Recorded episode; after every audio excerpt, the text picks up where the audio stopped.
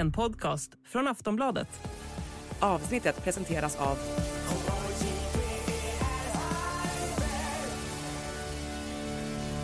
Stödlinjen.se, åldersgräns 18 år. Hej och välkommen till Höjd beredskap, en podd från Aftonbladet Ledare. Den här veckan och förra har himlen ramlat ner. I stort sett allt som kunde gå fel har gått fel och om det pratar vi ganska länge i dagens avsnitt. Välkommen! Vår beredskap är god.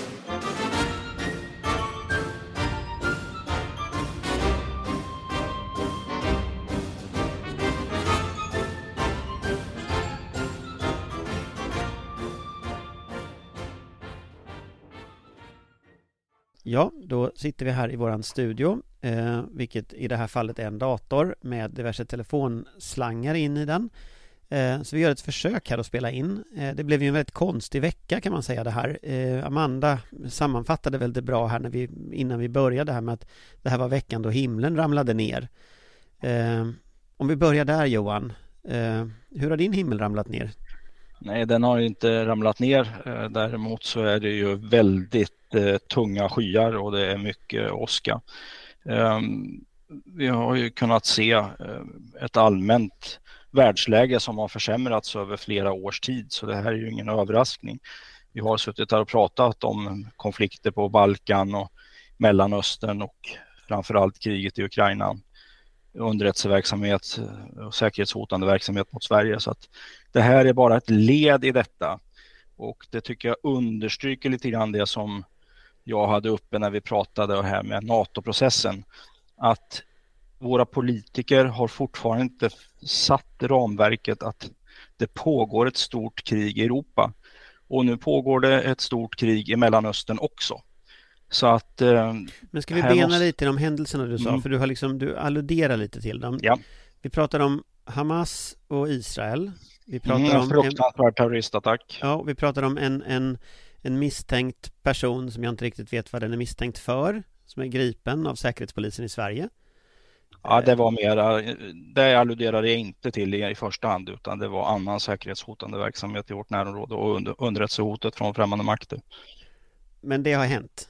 Ja, det har hänt, absolut. Och sen pratar du om Ryssland, Ukraina och att det fortsätter? Ja. Och sen så pratar vi om ett terrordåd mot svenskar och enligt statsministern, vad statsministern har sagt, är det för att de är svenskar. Just det. Det är en vecka. Mm. Det är en fruktansvärd vecka, men det är inte så att himlen har ramlat ner. Vi kan fortfarande göra saker åt det här, men det måste vi ju bestämma oss för själva. Vi gör saker och ting, men vi gör det inte tillräckligt snabbt. Nej. Ska vi låta Amanda försvara sin, sin metafor här? För jag tycker det är en väldigt bra metafor. Amanda. Jag, jag vill bara påpeka att, att det känns som himlen har ramlat ner över våra huvuden och detta är naturligtvis så en, en koppling till Asterix. Himlen är alltså inte här och kan försvara sig. Nej. Nej. precis. Detta är då naturligtvis en koppling till Asterix, vilket alla naturligtvis förstår. Där eh, Majestät Tix, eller vad han hette, alltid konstaterade det enda vi egentligen behöver vara rädda för att himlen faller ner över våra huvuden. Eh, och det har inte hänt än, det har Johan helt rätt i. Men det känns lite så. Det har varit en helvetesvecka, det har varit helvetes två veckor. Eh, och varje gång man känner att nu måste det väl ändå vara slut så kommer det någonting nytt. Um, och det, och det är också mycket av det som hänt som problemet som, som, som leder till andra saker. I första hand naturligtvis den här fruktansvärda massakern i Israel eh, som kommer få efterverkningar i mycket, mycket lång tid framöver. Eh, men även undervattenssabotaget eh, är ju också tecken på saker som kanske snarare kommer. Eh, det är stor risk för. Eh, vi vet ju ännu inte så mycket om de här två eh, gripna personerna för, eh, som befattat sig, anklagas för att befatta sig med hemligt material. Eh, och terrorhotet är ju höjt, har varit en tid och det har ju naturligtvis förvärrats ytterligare efter eh, kriget i Gaza och terrorattackerna i Israel. Så att det, det, är mycket nu. Det är så pass mycket att det är nästan svårt att... Eh, alltså nyhetscykeln hinner inte med en gång. Patrik? Ja, jag då ansluter mig till den tredje linjen och det är att himlen ramlade ner redan 2014 i samband med den ryska illegala annekteringen av Krim och Rysslands inledande av anfallskriget mot Ukraina. Det som har hänt sedan dess är bara konsekvenser av den himlen som ramlade in. Eh, sen finns det ju säkert flera nivåer av himlen som kan ramla in i framtiden, men jag, jag ser det nog mer som att eh, det är konsekvenser av, av tidigare nedfall. Och eh, tyvärr är det väl som så att eh, det är först nu som eh, det här börjar sjunka in, vad det här nedfallet faktiskt ställer till med. Alltså det är många som har lyft eh, just eh, att saker och ting som händer nu hänger ihop. Att liksom en ökad stormaktskonfrontation gör att fler eh, olika aktörer som till exempel transnationella terroristnätverk eller, eller Hamas eller Hizbollah eller, eller liksom aktörer som Ryssland understödjer på olika ställen i världen eller som Kina understödjer på olika ställen. Att det här liksom sker en slags eh, på något sätt alla båtar stiger samtidigt eh, på grund av ett slags allmänt världsläge och en stormaktskonfrontation. Alltså, ja, då, har vi hopp, då har vi hoppat den etniska rensningen i Nagorno-Karabach också i bara farten som också var rätt nyligen. Mm. Ja, nej, men vi har ju hoppat allting. Det, är ju som, det har ju börjat bli som de här eh, gängskjutningarna, att varje dag man öppnar tidningen så är det en ny gängskjutning. Till slut så orkar man ju inte ta till sig det. Och det är väl lite samma sak i säkerhetspolitiken nu, att man orkar liksom inte få ihop hela kartan. Men om, om man ska säga, hur ser hela kartan ut? Vad är liksom de stora drivkrafterna i detta? Om vi tar Johan. Ja, det är ju en omfördelning av makt som pågår. Det finns ju alltså dels en ekonomisk makt där då Kina under 20-30 år har byggt upp en, en liksom stark ekonomi och kastar av det i form av vapen för att försvara de här ekonomiska intressena, liksom Ryssland. Men det är också en utmaning mot det regelbaserade systemet som USA och Europa liksom har försökt att införa eller har infört i världen och som har rått hittills. Det är alltså en maktordning det är frågan om. Alltså man utmanar med våldsmakt den här eh, typen. Nu såg jag faktiskt, för att föra in ett annat perspektiv också, att man hade ett möte med de underrättelsecheferna för signalspaningen i Storbritannien, USA och så vidare, eh, så kallade Five Eyes och där var man otroligt bekymrade över de stölder av IP som sker, sker från Kina. Så att det pågår, det är, alltså, det är full konflikt mellan öst och väst, eh, om man säger så, på det sättet. Eller rättare sagt väst mot öst och syd då. Om vi tittar på vad som egentligen kom ut från uttalandena på BRICS-mötet eh, senast. Det är ju ett sätt att försöka förändra hela världsordningen och hur man bestämmer saker och ting från FN och nedåt. Känns det som att vi vinner detta eller liksom ja, I min magkänsla är att det känns som att alla värden som vi på något sätt står för är på reträtt på alla fronter egentligen här just nu. Det är inte värdena som står på reträtt utan det är ju vår förmåga att försvara dessa värden med vapen i hand om så krävs. vi, börjar närma, vi börjar närma oss Frankrikes fall i, i någon slags metafor här, eh, då inte Frankrikes fall bokstavligen talat utan metaforen är då till andra världskriget. Att, att det, går, det går tungt men, men det är inte avgjort på långa vägar och även om det kommer att bli betydligt mörkare framöver så, så eh, finns det ingen anledning att ge upp. Jag är inte hundra på att jag gillar den metaforen riktigt för att Frankrike föll ju faktiskt och sen så halva landet blev ju liksom av en förrädarregim. Exakt. Riskabel metafor skulle jag säga. Eh, Nej, men, men det är ju det, det, det, är det som är... Och, och, och ja. bara säga så, om vi ska fortsätta med andra världskriget så är det här lite grann som att befinna sig i Norge och Sverige 1939 och det bryter ut ett krig mellan Tyskland, Polen och Sovjet. Eh, och sen står man där och tittar och undrar vad som sker och så blir man ändå överraskad i april 40 när eh, tyskarna går in i Danmark och Norge. Det här ovädret kommer hit och det, det är väldigt bråttom. Patrik? Ja, jag instämmer helt och hållet i det att det är väldigt bråttom. Och eh, det är ju den här situationen som, som vi har varnat för länge i podden. Vi har ju pratat om de här sakerna. Eh, vi har pratat om stormvindar som är på väg in. Vi har pratat om mörka moln. Eh, ja, nu friskar det i kinderna på, på många fler än hos oss. Och det, det, det är vi här.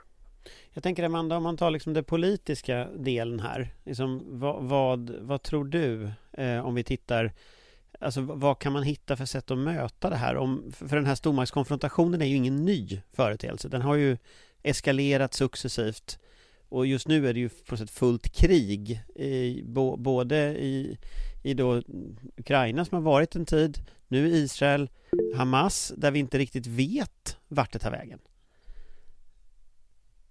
Politiskt, geopolitiskt så handlar det väl väldigt mycket om att eh, samarbeta med våra allierade, dels inom EU men också bilateralt, bi och trilateralt, eh, både för vår egen säkerhet och för att förhoppningsvis kunna utgöra någon slags eh, inflytande i världen åt rätt håll. Det är ju arbete som pågår eh, nationellt beredskapsmässigt. Jag tycker att eh, ministern för civilt försvar ehm, uttryckte det bra på Twitter igår när han skulle sammanfatta sitt första år som minister, att det han brukade kommunicera åt aktörer i totalförsvaret var ni vet inte hur lång tid ni har på er, agera inte som att tiden vore oändlig.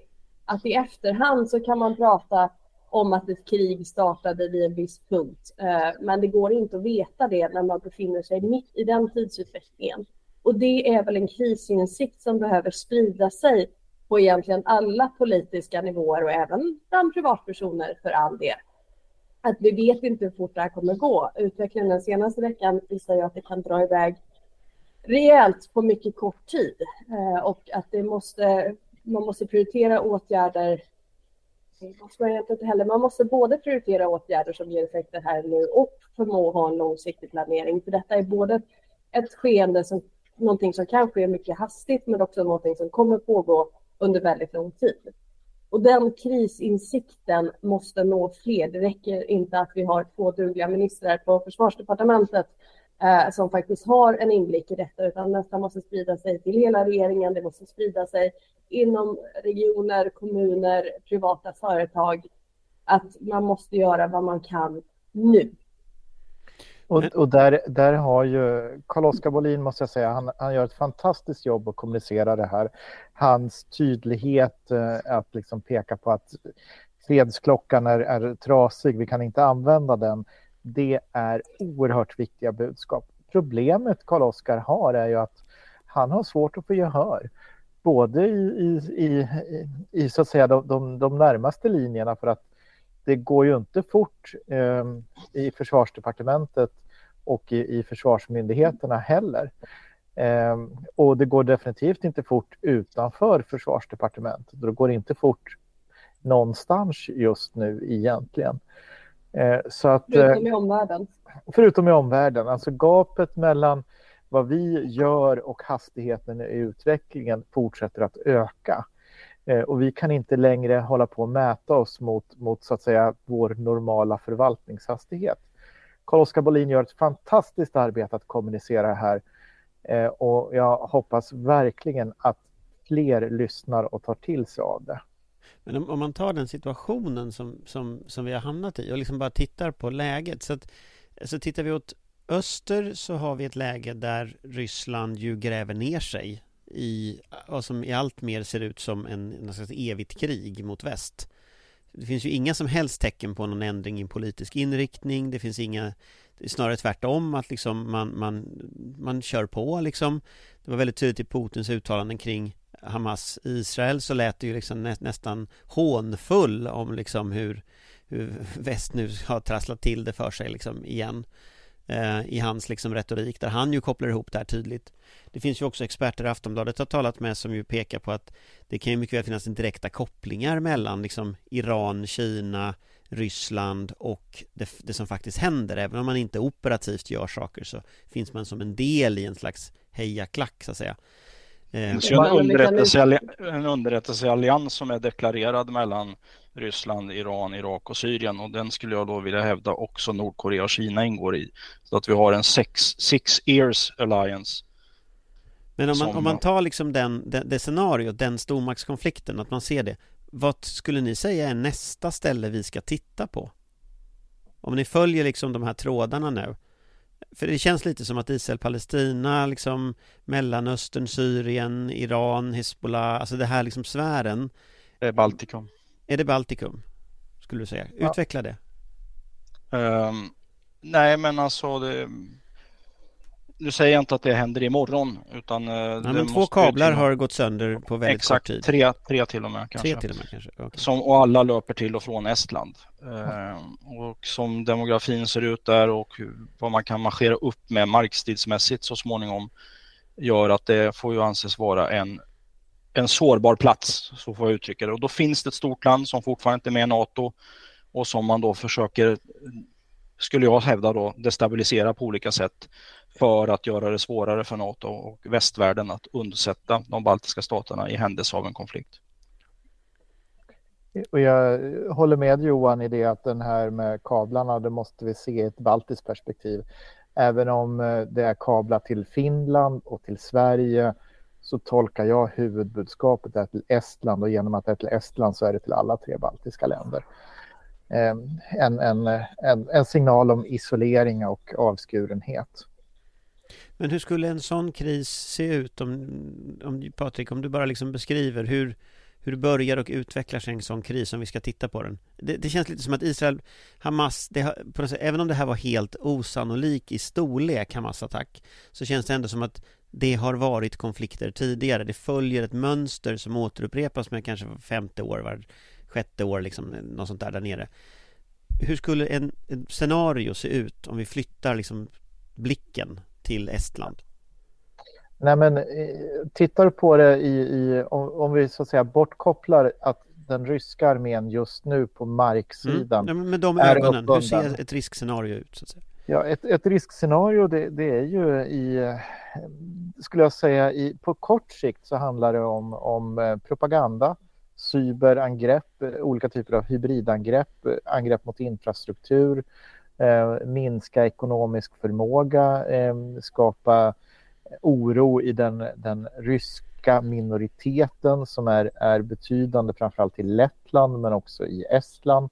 Den är ju minst i, i Litauen och eh, på olika sätt liksom då skicka signaler till väst om att eh, Eh, vill ni att kriget ska sprida sig eller inte? Och det här blir naturligtvis väldigt avhängigt vad som händer i det amerikanska presidentvalet. Kan man också destabilisera Sverige så att Sverige känns som ett, ett stort mögmisslyckande så, så är det klart att förmågan att hjälpa Baltikum kommer ju att minska. Sverige är ju en strategisk spelpjäs på det sättet. Eh, vårt territorium är avgörande för, för Baltikums eh, eh försvarsförmåga och frihet. Och det är ju som jag har sagt många gånger ingen slump att det är två länder som inte ratificerat Sveriges eh, då NATO-ansökan och det är ju Turkiet och det är Ungern. Ungern vars ledare Orban stod och myste och morsade med Putin i, eh, på det här mötet, Belt and Road-mötet i Kina och, och träffar också Xi Jinping och, och pratade investeringar i batteriteknik i Ungern, kinesiska investeringar. Så att eh, vi måste se helheten. Amanda? Är det första frågan du ställde, tänker du, eller vill du ha en kommentar på det, Patrik? Jag vill egentligen ha en kommentar på det Patrik sa. Men den första frågan också naturligtvis. Nu är det mycket igen. Ja. Eh, nej, Himlen men ramlar ner på många ställen Ja, samtidigt. precis. Eh, nej, men så är det. Alltså, Patrik och Johan har ju helt rätt i sina analyser. Sen finns det ju bubblare också naturligtvis um, med konfliktytor uh, eh, i Asien och Afrika och så vidare. Uh, men, men Baltikum är väl kanske det mest uh, omedelbara hotet, inte minst, minst för svenskt vidkommande och de här kablarna är oerhört bekymmersamma. Ja, vi hade väl ett poddavsnitt eh, nyligen om Taiwan vill jag minnas, Anders. Mm. Men om jag, om jag tar, stannar i Baltikum, för att jag, jag tänker att det, här, det är ett ganska anmärkningsvärt uttalande det här med att nästa ställe är Baltikum. Eh, och jag tror ju verkligen att, jag tror det ligger väldigt mycket i det. Alltså jag tror det ligger väldigt mycket i att det här utökar sig åt olika håll just nu. Eh, och då är det liksom intressant att se vad det finns för sårbarheter. Och när det här spelas in så var det väl, nu rör jag ihop dagarna här, men det var väl igår som man hade presskonferens. nej Det var i förrgår var det som man hade presskonferens när vi spelade in detta. Och sa att den här kabeln Estland-Sverige var, var, var skadad. Eh, och det är klart att det är ju ingen slump att alla de här sakerna sker samtidigt. Eh, vad skulle ni säga är liksom nästa steg i en sån? Om, om det finns en aktör som vill eskalera detta, om det inte bara är liksom att man vill hålla det kokande på något sätt. Vad är det man ska titta efter då som, som lyssnare och läsare? Vad är det man ska leta efter? det, det man ska komma ihåg är ju att när vi pratar om hybridpåverkan så har vi som försvarare ett stort problem. Och det är att angriparen, om den är villig att ta risken, anser sig ha tiden och resurserna, så är den enda begränsade faktorn kreativitet. Eh, och det ligger ju i sin natur att vara försvara sig mot en oerhört kreativ motståndare. Eh, det, det, det kommer vi ha, alltid att ha ett eller två steg efter. Det vi kan titta på är ju våra sårbarheter och sårbarheten har vi pratat om länge och det har pekats ut länge och vi har ju en marinchef, Eva Skog Hasslum, som också har sagt till exempel att undervattensverksamheterna med, med alltså undervattenskablar och, och eh, så är ju en, en sak som är väldigt utsatt i hybridpåverkan, att det är en arena med sårbarheter. Så att vi kan titta på sårbarheter och då ser vi att vi har en stor mängd. Sen exakt när, var och hur det här spelar ut sig, det, det, det ligger hos angriparen. Eh, och det är just det mindsetet vi behöver få till att allting, allt möjligt kan hända kring våra sårbarheter och vi måste ha en, en flexibilitet och en förmåga att hantera det. Och det är det beslutsfattandet som inte riktigt finns på plats ännu. Om jag får lyfta en sårbarhet som jag har funderat väldigt mycket kring de senaste dagarna så är det informationssfären.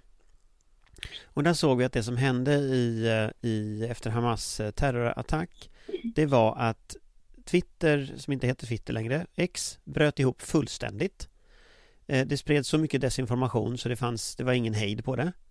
Och media i hela världen har fått dra tillbaka ett antal stories som har visat sig vara varianter på temat eh, från krigspropaganda till helt enkelt missuppfattningar.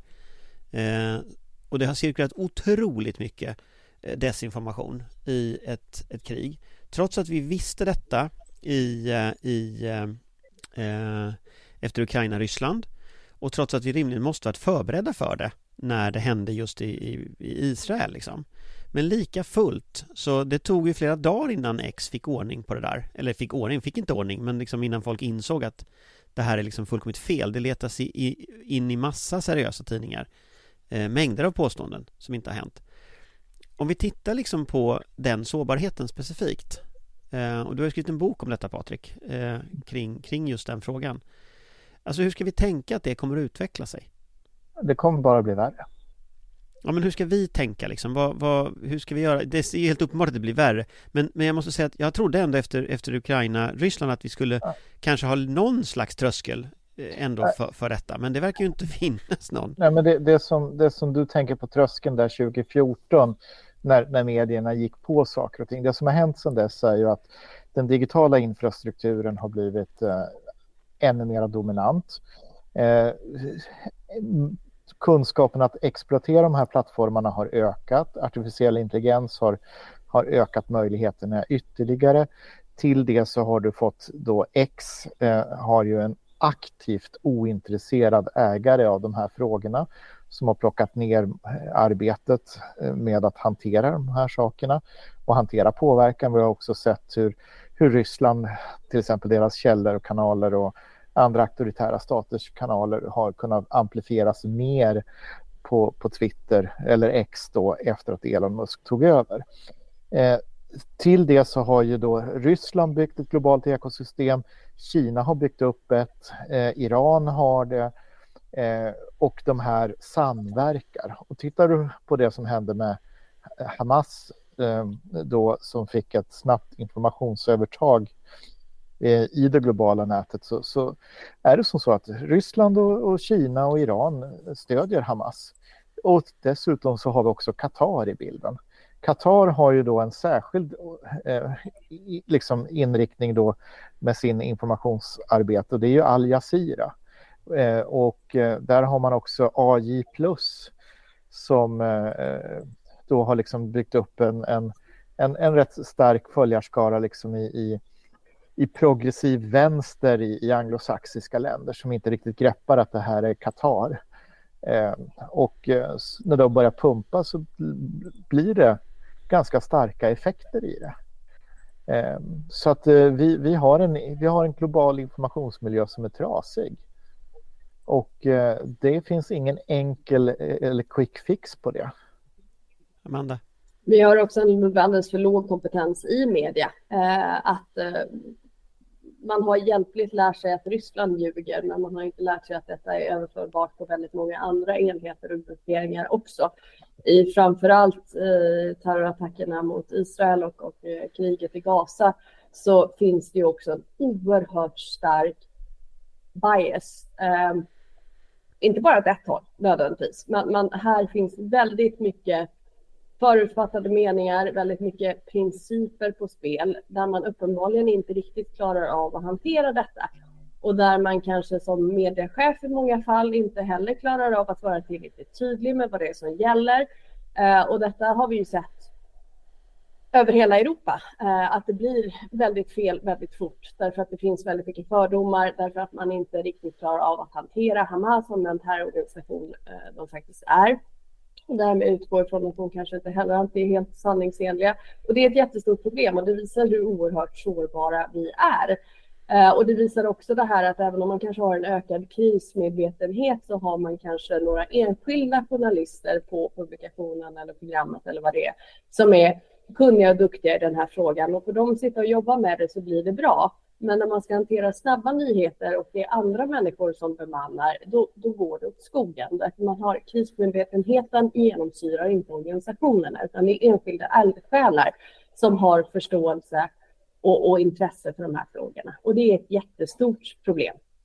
Och sen märker vi också att den här överväldingstaktiken Eh, funkar ju i någon mening. För det är, väl, det är ju en effekt av det vi har sett de senaste två veckorna. Nu är det naturligtvis inte därför det har skett, men, men det blir ju en bieffekt och för vissa är det en väldigt positiv bieffekt. Det är ett väldigt fokus på Mellanöstern just nu, helt naturligt. Det är ett betydligt minskat fokus på Ukraina. Vi har terrorbågen, terrorattacker och rädslan för terror. Vi har eh, importerade konflikter i Sverige som jag är rädd bara kommer bli värre. Och det är också en ganska tydlig effekt tyvärr av desinformationen som sprids, att detta späder på konflikter eh, även inom Europa och inom Sverige. Eh, och sen har vi ovanpå detta eh, misstänkta eh, hanteringar av hemlig information och skadade undervattenskablar och så vidare. Det, det, blir mycket att hantera och det blir mycket att hantera på redaktionerna och det blir för mycket för experterna att ja, det, det, är svårt att hålla fokus på så många bollar samtidigt när allting är så viktigt. Och det är också någonting vi måste lära oss hantera, för det kommer inte bli bättre. Ibland så tänker jag att man skulle behöva någon form av så här beredskapstänk. Det fanns ju det, historiskt så fanns det ju en sån, den typen av arbete när det gäller media just att liksom att ha liksom en form av beredskap för saker och ting och, och just både utbyta information och diskutera sådana här frågor och så. Det där arbetet har ju inte funnits på ganska lång tid. Men just i relation till sådana här terrorattacker, eh, krig, alltså vi, vi börjar nå en nivå när det börjar bli ett problem att det är så få personer med i den här typen av diskussioner. Eh, och jag tänker du sa med övervä- det öv overwhelming, jag vet inte vilket ord du använder, men det här när man liksom fyller systemet, man fyller eten med information och sen går det inte att sortera överhuvudtaget. Och jag måste säga att jag tyckte nog att hela första veckan eh, av Israel-Hamas, den var lite så. Alltså det gick inte att, att, sortera i de olika informationsflödena. Och det man gör då som journalist, det är ju att då går man ju tillbaka till den, det man har som upparbetade kontakter. Alltså upparbetade nyhetskällor, upparbetade experter, upparbetade system. Och där de finns, då funkar det. Men där de inte finns, där blir det ing, där, blir det, där funkar det inte alls. Och då är just så här breaking-nyheter en sån där grej som man helt enkelt inte är van vid. Och det funkar om man har upparbetade känslor, men detta upplever jag är ett väldigt stort problem i det svenska nyhetslandskapet, säkert på många andra ställen också.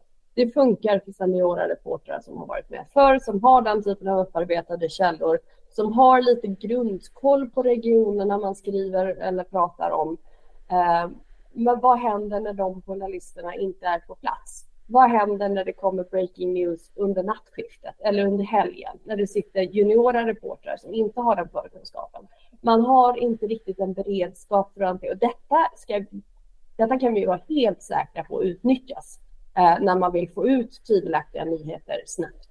Eh, vi såg ett exempel för några år sedan när TT kablade ut en nyhet om ett av bevisen under ubåtsjakten eh, i Stockholms skärgård 2014 Eh, med en hårt vinklad rubrik eh, och ingress som spreds okritiskt i massor av tidningar och publikationer i Sverige eftersom det kom ut typ en lördag eftermiddag.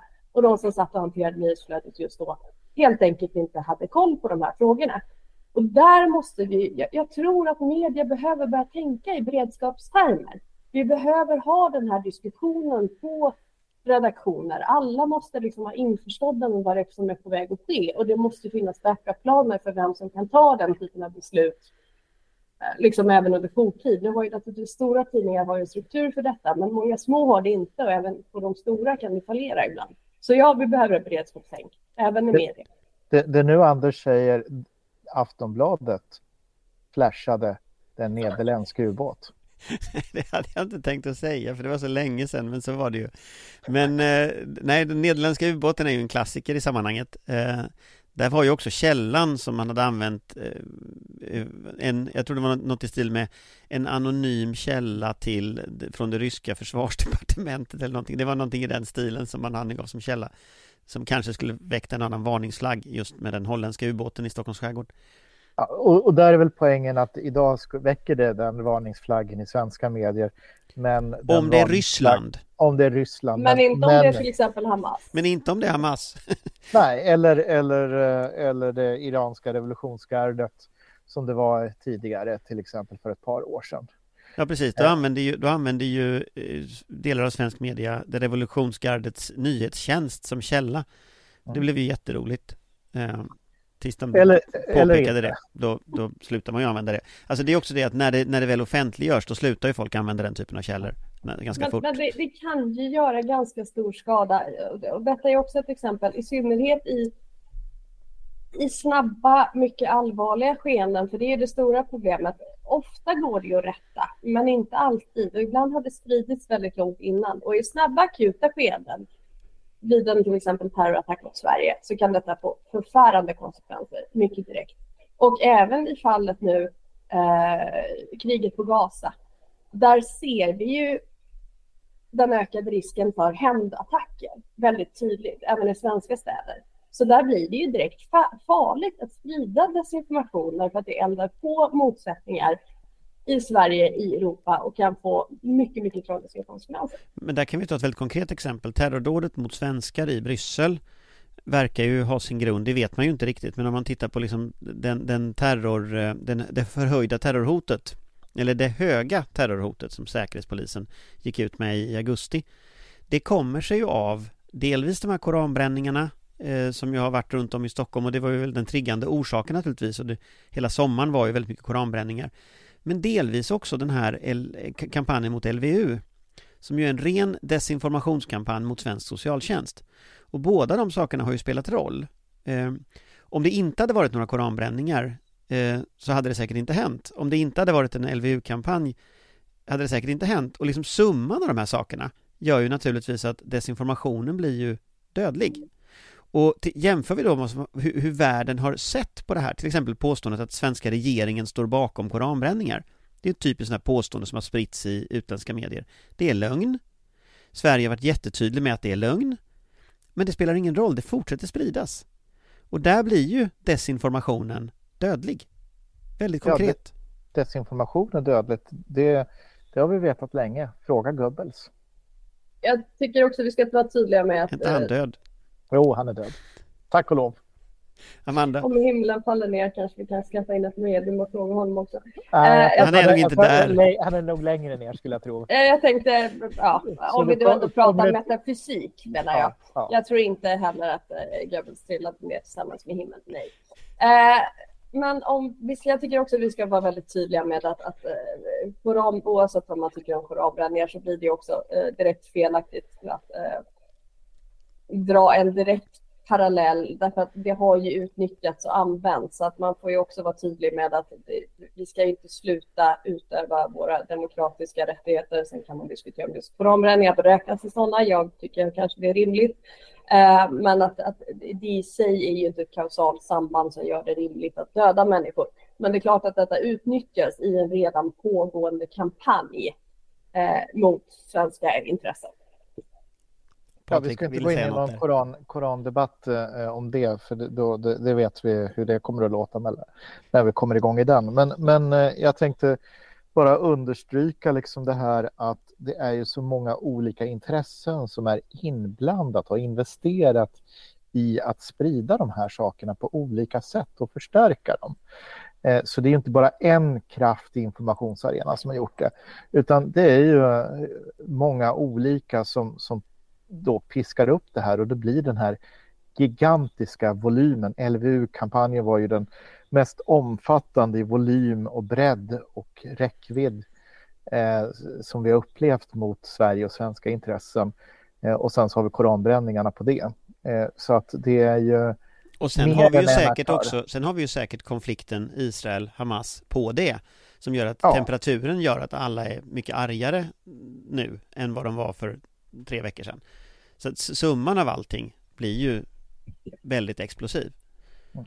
Så är det och eh, tyvärr så är det ju fler än en svensk riksdagspolitiker eh, som inte riktigt har klarat av att ta ett glas vatten och, och, och, och reflektera lite grann innan man låter fingrar eh, styra vad man skriver.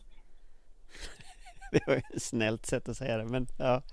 Jag tänkte att ytterligare en punkt som var en, också en fråga eh, som bara ta upp och det, det är det här eh, Johan var inne på det lite inledningsvis här, eller han var inte inne på det, men jag trodde att han var inne på det, nämligen det att den här eh, gripandena i Sverige av personer som, som eh, återigen verkar ha, om jag förstår det rätt, befattat sig med hemliga uppgifter på ett sätt de inte borde, eller eventuellt inte borde, de är misstänkta, vi vet inte vad det handlar om egentligen. Men det, det är ju eh, det senaste i en ganska lång rad sådana här gripanden som vi har sett nu. Och vi har sett ett ganska stort antal personer faktiskt som, som på olika sätt har eh, befattat sig med uppgifter, spridit uppgifter, samlat in uppgifter. Eh, alltså, hur allvarligt ska, ska vi tro att underrättelsehotet är egentligen? För så jag kan inte komma ihåg att det var så här för en fyra, fem år sedan. Alltså, hur allvarligt... jag som har glömt bort det, kan ju också vara fullt tänkbart. Underrättelsehotet har varit rätt tydligt framställt i årsrapporterna från bland annat Säkerhetspolisen, även MUST och, och så. Så att det är ju ingenting eh, nytt, men däremot så det som händer är ju att takten ökar, risktagningen ökar, konfliktytorna intensifieras. Så på det sättet blir det väl accelererat. Så att eh, Eh, Eh, det, det, är inget, eh, det är inget som plötsligt bara uppstår. Sen ska vi komma ihåg, nu vet jag inte hur det är i det här senaste fallet, men flera av de personerna som har gripits eh, och åtalats har ju varit aktiva under många år. Så i, i, i den meningen så var ju underrättelsehotet precis lika allvarligt för fyra och fem år sedan därför att de här människorna var aktiva under den perioden också. Eh, så snarare skulle man i så fall kunna teoretisera om att det, eh, man är aktivare i sin eh, kontraspaning idag och som Patrik säger, risktagandet ökar, kontakterna ökar med det försämrade säkerhetsläget. Men det är en tydlig lärdom här också för framtiden är ju att våra motståndare tog ju aldrig någon strategisk timeout. Eh, för våra motståndare var historien aldrig över, utan det här är ju värvningsarbete, rekryteringsarbete som har pågått under väldigt lång tid. Under en tid då Sverige var i princip eh, omedvetna eller inte ville kännas vid risken för detsamma. Eh, och det är en väldigt viktig läxa inför framtiden att man kan inte man kan inte vila i att situationen är någon annan, en annan, för det är inte säkert att våra motparter tycker detsamma. Ryssland har ju haft ett aktivt påverkansarbete och underrättelsearbete mot Sverige under hela tiden. Men vi har inte riktigt lyckats förstå detta. Och det är detta jag tror vi ser effekterna av nu. Jag men, tror och men, hoppas men, att rekryteringen kan vara svårare idag därför att medvetenheten är större bara för att liksom rent, eh, bara för att göra det tydligt att vi vet ju alltså ingenting om det här enskilda fallet men det vi vet det är alltså att en svensk toppmilitär och hans fru eh, sitter alltså gripna sedan en razzia som Säkerhetspolisen hade i tisdags eh, och eh, det, om jag har förstått det rätt så är anhållan enligt Expressens uppgifter då misstänkt för grov obehörig befattning med hemlig uppgift. Vad detta är, om personen är skyldig eller inte, det har vi naturligtvis ingen aning om utan han, den är, båda är naturligtvis oskyldiga tills något annat är bevisat.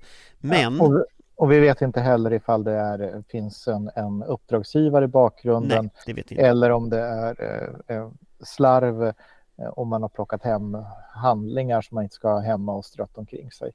Det känns ju ganska dramatiskt för det, men vi vet ju inte heller i så fall vem uppdragsgivaren är, ska vi också konstatera. Nej.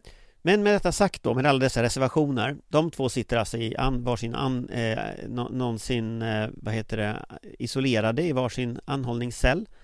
Och jag vet inte vilken i ordningen det här är, men om man tittar på liksom den här situationen, att den här typen av personer som ändå verkar vara ganska långt inne i svenska system eh, blir gripna.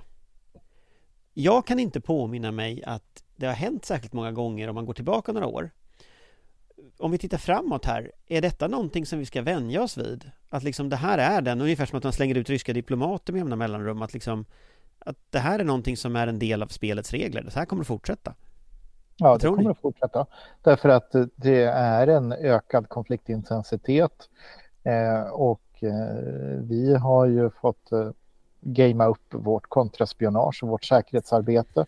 Och ju, ju mer saker som är på risk, desto hårdare driver ju andra sidan sina tillgångar. Alltså det, man driver sina spioner eh, från, från underrättelseofficershåll till att göra mer och alltså ta större risker, vilket också ökar möjligheten till avslöjande. Så att eh, det här är inte det sista gripandet eh, eh som vi, vi, vi kommer att få se. Oavsett vad som är bakgrunden i det här fallet, ska jag säga. Sen tror jag också att frekvensen har absolut ökat och det är möjligen också så att eh, liksom, tyngden på de som tas har ökat. Men det har varit några sådana här incidenter under 10-talet också. Eh, men då var inte intresset från media och allmänhet lika stort. Så att jag tror att de incidenterna gick under radarn på ett annat sätt. Och möjligen också att man inte gjorde lika stor affär av dem från eh, utredningshåll utan valde att på olika sätt lösa mer diskret. Är vi ovanligt naiva i Sverige eller är det så här i alla länder just nu? Ja och ja. Eh, ja, ja och, och, och kanske ja. Eh, alltså det är ju som så att Sverige är ju ett intressantare mål för många aktörer än vad till exempel Portugal är. På grund av sin geografi, eh, sin teknologi eh, och så vidare och så vidare. Så att, så att eh, ehm, men i Finland, det, Estland, Lettland, Litauen, Polen? Ja, Estland har ju, har ju haft ett väldigt aktivt kontraspionage och plockat... För eh, Estland är ju kända för att vara väldigt duktiga på just det. Ja, det är en överlevnadsfråga för dem. Eh, och eh, så, så att det, det och Norge eh, har ju också tagit en del, eh, däribland den här eh, illegalisten i Tromsö, forskaren, som eh, är egentligen då rysk illegalist men som har kommit till, till Norge med en helt annan täckmantel. och det finns också någonting att, att plocka upp och ha med sig i bakhuvudet från den brittiska polisen, deras, eh, eh, deras motsvarighet till typ BRÅ. Jag är inte exakt säker på om man ska översätta det rakt av till BRÅ, men, men de, de, eh, där höll deras generaldirektör ett tal i somras där man pekade på att man såg mer och mer kontakter eh, mellan underrättelsetjänster och kriminella gäng i Storbritannien. Delvis också för att det var svårare till exempel för för Ryssland då, som har fått diplomater utvisade så att, eh, att göra saker så att då har man använt springpojkar. Eh, och eh, i medieuppgifter så, så har det där också då pekats ut lite närmare som att det handlar om Ryssland, det handlar om Kina, det handlar om Iran och Nordkorea som har de här eh, gängkontakterna och Det ska också då enligt medieuppgifter ha förekommit fall då, då de här gängerna och underrättelsetjänstens vägnar har, har hotat folk i Storbritannien. Så att eh, komplexiteten kommer nog bara att öka. Amanda? Uh, nej, men jag tror att det, detta förekommer i andra länder, det ser vi. Jag, det, jag tror utsträckning ska jag låta vara osagt. Det är ju ändå inte riktigt så många fall att man kan uttala någon slags eh, statistiskt signifikant kurva, tack och lov. Uh, men, men jag tror att vi har en nackdel i att vi var väldigt naiva under väldigt många år och därmed lät det här. Vi ska ju komma ihåg att detta är ofta otroligt långsiktig verksamhet. Att första kontakter tas ju inte sällan men på under studietiden till exempel, eller väldigt tidigt i en persons karriär. Och så underhåller man ett antal sådana här kontakter i hopp om att någon av dem ska ge utdelning. Man är villig att fiska brett, man är villig att vara väldigt uthållig, man är villig att lägga väldigt mycket tid på det här därför att får man en, liksom satsar man rätt på en häst så, så lönar sig allt. Och eftersom vi hade en period när vi skulle normalisera relationerna med Ryssland och hade ett ganska brett utbyte och så vidare, och detta gäller även naturligtvis andra länder, man var inte medveten om att det fanns några större säkerhetshot mot, mot Sverige, så finns det ju en stor risk att det var relativt lätt att värva de här personerna under den här perioden. Och det är ju de som nu 10-15 år senare eventuellt kan sitta på höga positioner i myndigheter. Så att där har vi väl en nackdel som inte alla andra länder har. Därför att eh, Norge och Danmark var ungefär i samma situation medan Baltikum och Finland ju har haft en högre riskmedvetenhet under den här ja, 90-tal, tidigt 2000-talsperioden som vi talar om. Innan du tänker sluta det här Anders, för att jag känner på mig att du tänker nu nog börja avrunda det här, så vill jag kasta in en till ämne. Okay. Lite kort. Du tycker inte vi har täckt tillräckligt bra? Ja, men jag, jag tänkte så här att... En liten del av himlen är kvar fortfarande. Ja, en liten del av himlen är kvar. Eh, men, men jag tänkte ta och plocka ner den i, på måndag. Och det är den lilla himlen som finns ovanför Sundsvall och Timrå. Eh, jag ska på har Sundsvall gjort för Ja, jag kommer till det. Jag, jag, jag ska till, till Publicistklubben Södra Norrland eh, som har en kvälldebatt då eh, kring kring eh, då, mediebevakning, journalistik eh, eh och också då eh, hybridhot. Eh, och det är då också då kopplat till två stycken eh, större industrisaker i regioner med många, arbetsgivare, många arbetstagare. Det ena är ju då så har det kommit en bok om Kubals ägare. Så att det är ju en del av programmet och den andra delen av programmet är ju den kommande kinesiska batterifabriken. Så eh, vad tycker ni att eh, jag ska säga till, till, eh, till dem på måndag? Så att eh, åtminstone journalisterna i Sundsvall, Timrå-regionen eh, och den bredare allmänheten förstår det här, inklusive kommunalråd som tycker att yes, det är toppen med massa nya härliga kinesiska batterifabriksjobb. Ska vi spoila ditt föredrag nu? Du tror inte de lyssnar på vår podd? Jag, jag tänker så här att uh, det här, här kan ju bli en, en, en liten marknadsföring för evenemanget. Men um, ja, jag tänkte bara dela med mig om att, vad jag, att jag ska dit. Nej, men svaret på din fråga är naturligtvis att det där är ju väldigt komplext. När eh, nyligen så var ju någon kinesisk delegation i Stockholm och tittade på bergrum vilket ju, jag tror det var Bahnhof som hade den goda smaken att ringa Säpo och fråga om det här var en jättebra idé och sen så blev det inte så mycket mer med det där besöket. Men, men alltså det är klart att man får ju ha en väldig, eh, man får ju ha väldig liksom koll på vad det är för information och vad det är för strukturer som man tillåter kinesiska företag att, att bygga upp. Det finns ingenting som heter privata kinesiska företag i dagsläget. Det har en koppling till offentliga, offentlig verksamhet. Eh, och, och, det är klart att när vi pratar om underrättelsehotet förut så är det här ju en, en central del i underrättelsehotet. Där finns ju också en lag i Kina som säger att alla som är kineser måste samarbeta med säkerhetstjänsten. Eh, så, så, det är inte heller liksom någon, någon, man döljer inte detta på något sätt från Kinas, vad det är för strategiska intressen man har från Kinas håll. Men det jag gissar att du ska berätta det för dem där uppe och de kommer säga att det är ingen fara just där. Ungefär så kan jag förvänta mig det. Men jag, jag tänkte att det fanns ett värde att, att uh, ni också ger uttryck för det här och inte bara jag. Så att uh, jag, jag, är inte, jag är inte den ensamma galningen som står och säger det här. Sen så ska vi också konstatera att det är uppenbart lätt för kommunpolitiker att eh, fastna i jordyran. Eh, vi minns ju alla med förfasan Nord Stream 2-affärerna. Men vi ska ju också vara medvetna om att totalitära stater med dåligt track record är ju inte alltid världens bästa affärspartners rent civilt heller. Ni har ju sett ett antal investeringar och så vidare där man har lovat guld och gröna skogar och eh, förfört kommunpolitiker och sen har det blivit ganska mycket ingenting utav det. Eh, så att eh, om, man kan väl kanske åtminstone hoppas på någon typ av självbevarelsedrift, även om det troligen är för mycket det också. Nej men det är ju naturligtvis väldigt komplicerat om man är, för, är kommunpolitiker där eh, uppe någonstans och kanske har dålig kommunal ekonomi och så. Men jag tror ändå man ska ha med sig det här perspektivet, både underrättelsehotet mot Sverige och sen också det, det rent faktiska säkerhetshotet, att det här är ju ofta strukturer som drar med sig cyberattacker och stöld av, eller stöld av intellektuell egendom och så vidare. Så det är ju klart att man får ju vara väldigt försiktig när man hanterar det där.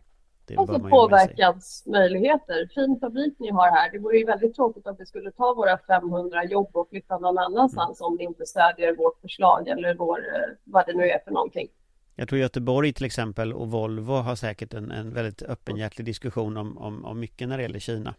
Eh, så, så där, där, är det klart att det finns ett jättestort problem i det här. Så är det ju. Tyvärr. Jag måste gå och göra en TikTok-film om det tror jag. Det finns en särskild plats i helvetet för Aftonbladets TikTok-satsning. Jag gillar vår TikTok-satsning.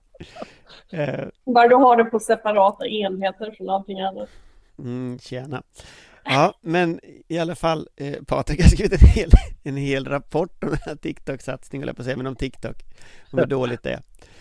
Eh, men ni kan läsa Patriks rapport medan ni tittar på min TikTok-film, som inte finns då, för jag har inte gjort den, men, eh, men eh, snart kanske. Eh, jag tänker att det var allt vi hade för idag eh, här eh, och vi kan väl hoppas om vi ses om ett par veckor igen eller två veckor att himlen inte har ramlat ner i lika hög utsträckning utan allting har löst sig. Men sannolikheten för det är tyvärr, vad ska jag säga, måttlig. Jag tror det bästa vi kan hoppas på är att vi bara har ett eller två ämnen att diskutera nästa gång istället för fem eller vad det är. Mm. Ja, eller vad det var. Och, och, och, fram till dess ni hör den här podden igen, gör som Carl-Oskar Bolin skriver. Gör någonting, gör det nu, vänta inte. Tid är en faktor.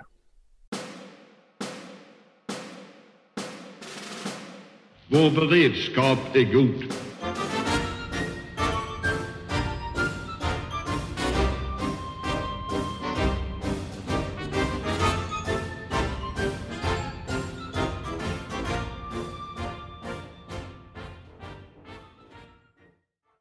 Du har lyssnat på en podcast från Aftonbladet. Ansvarig utgivare är Lena K Samuelsson.